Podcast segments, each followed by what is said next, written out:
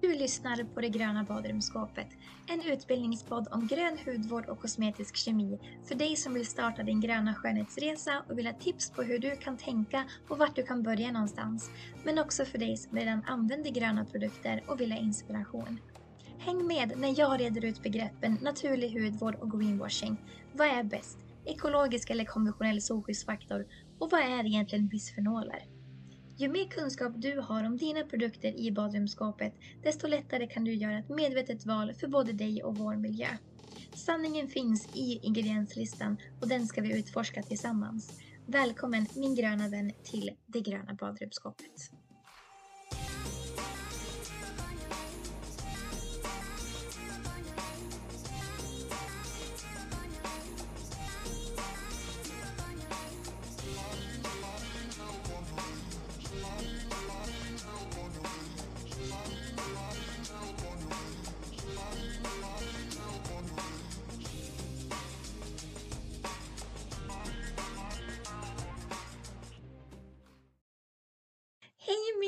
Vän och välkommen till episod 1 av det gröna badrumsskåpet. Jag har så svårt att sitta still på min stol just nu för jag är så exalterad att äntligen presentera den här första episoden för dig. Oh, helt underbart. När jag satte mig ner och började planera för vad den här första episoden skulle handla om så tänkte jag på vad som skulle ha störst betydelse för någon som är helt ny i den här världen. Och det som dök upp var alla dessa begrepp jag menar grön hudvård, naturlig hudvård, cruelty free, vegansk etc. Så det är där vi kommer börja. Vi ska i denna episod reda ut dessa begrepp så att du får en större förståelse för vad företagen faktiskt säljer dig när de säger att produkten innehåller exempelvis 97% naturliga ingredienser eller att den är vegansk. För ju mer du vet om dessa begrepp, desto lättare blir det för dig att välja produkter som passar just dina värderingar. Okej, jag tycker vi sätter igång med det första begreppet och det är naturlig skönhet och naturliga ingredienser. Är det något jag har lärt mig utifrån mina efterforskningar så är det att naturlig skönhet, naturliga ingredienser definieras utifrån vad ordet naturligt betyder för dig. Hur du tolkar det ordet. En definition av naturligt är ingredienser plockade direkt från naturen som inte har genomgått någon kemisk bearbetning. En annan definition är ingredienser plockade från naturen som genomgått någon form av kemisk bearbetning för att bli en funktionell ingrediens. Den första definitionen kan placeras in i en kategori som vi kan kalla för rent naturligt. Ingredienser som har gått igenom en fysisk bearbetning men som inte har ändrat den kemiska strukturen av växten. Exempel på ingredienser i den här kategorin är till exempel cheasmör och kallpressad avokadoolja. Den andra definitionen placeras in i en kategori som jag inte har ett svenskt motsvarande ord för. Men på engelska så kallas det för naturally derived. Emuleringsmedel är ett exempel på en ingrediens som kan placeras in i den här kategorin. Sen har vi Natural Identical. Det är också en kategori som jag har hittat i mina efterforskningar. Och det är ingredienser som är gjorda i ett labb och är kemiskt identiska till deras motsvarighet som finns i naturen. Citronsyra är ett exempel på detta. Så för att sammanfatta så har vi kategorin rent naturligt. Vi har naturally derived och vi har nature identical. Men oavsett om ingredienserna har genomgått en kemisk process eller bearbetning eller inte så har de en sak gemensamt. Och det är att det finns en koppling till naturen. Alltså till växter, till blommor, till örter och till havet. Och det vill jag säga är den övergripande definitionen av naturlig skönhet, naturlig hudvård. Det finns en koppling till naturen. Och då går vi rätt smidigt över till begrepp nummer två som är botanisk skönhet, botanisk hudvård.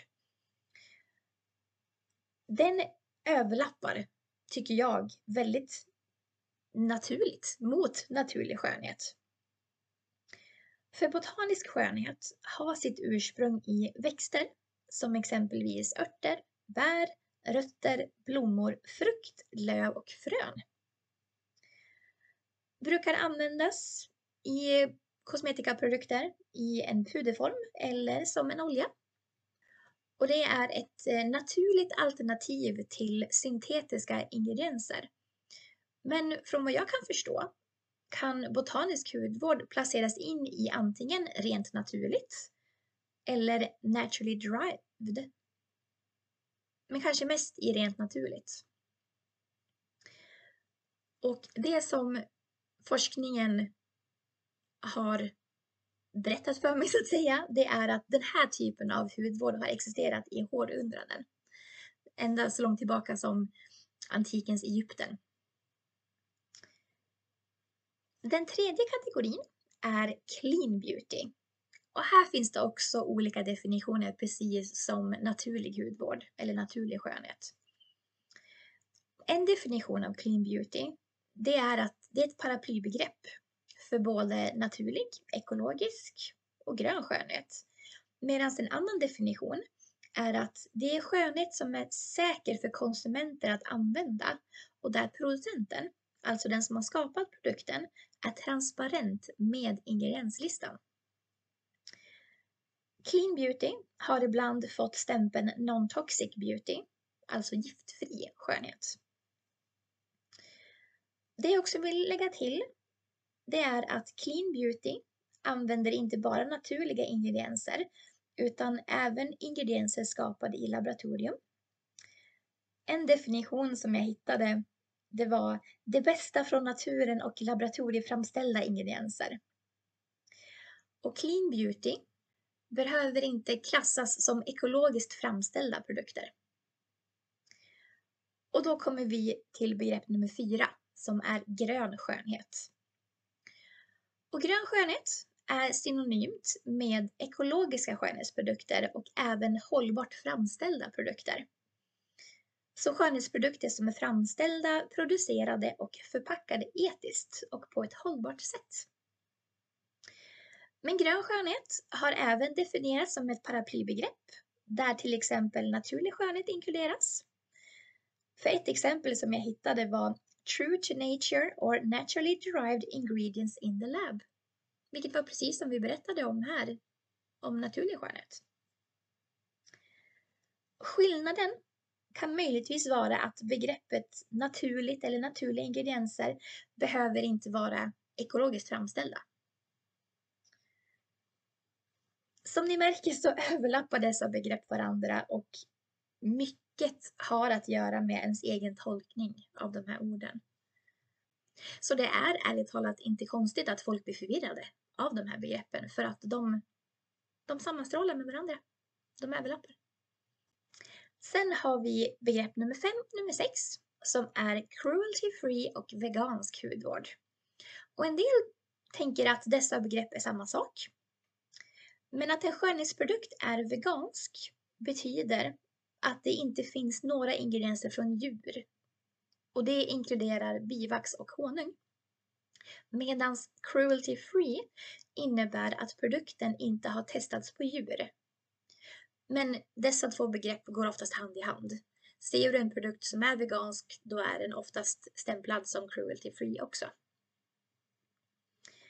Det sista begreppet, nummer sju, är indie beauty. Och det här handlar inte egentligen om ingredienser, utan det här är någonting som handlar om vad det är för typ av märke som har skapats. Ibland så hör man att det här är ett indie beauty brand. Man hör det i reklam eller i marknadsföring. Och det betyder helt enkelt att märket är grundat och eller drivs av en entreprenör och att det är ingen finansiering eller backing från kosmetiska företag. Så där har ni dem. Sju begrepp som är bra att känna till oavsett om du är nybörjare inom detta område eller inte. Och som ni märker och som jag sagt tidigare så är det inte så enkelt.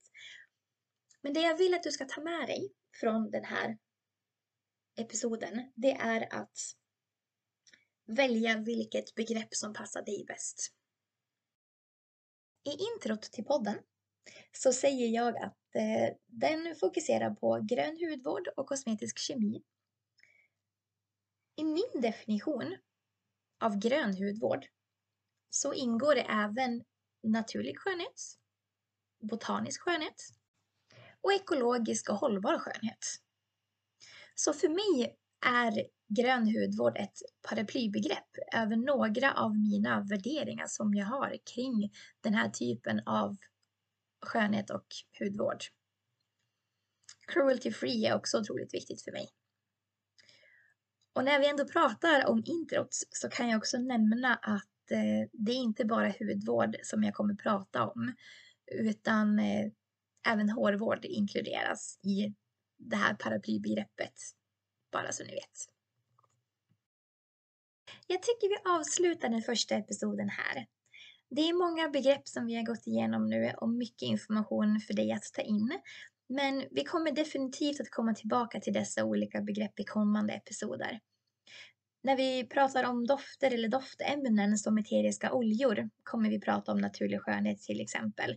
Så jag kommer hela tiden att koppla tillbaka till de här begreppen så att det blir ännu tydligare för dig vad de faktiskt betyder. Så med det vill jag önska dig en helt underbar dag eller kväll beroende på när du lyssnar. Och kom ihåg min gröna vän, sanningen finns i ingredienslistan. Vi hörs i nästa episod.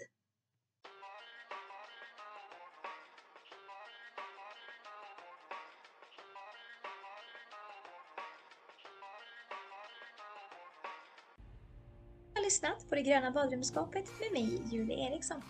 Om du gillade detta avsnitt skulle jag bli jätteglad om du gav podden en recension via Apple Podcast eller via Spotify. Och glöm inte att följa podden så du inte missar när nya avsnitt publiceras. Dela avsnittet på sociala medier och bland dina nära och kära.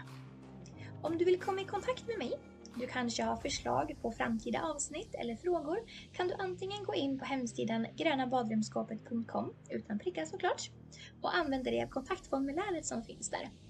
Eller så kan du skicka ett direktmeddelande till mig på Instagram och mitt användarnamn är msjuliaeriksson.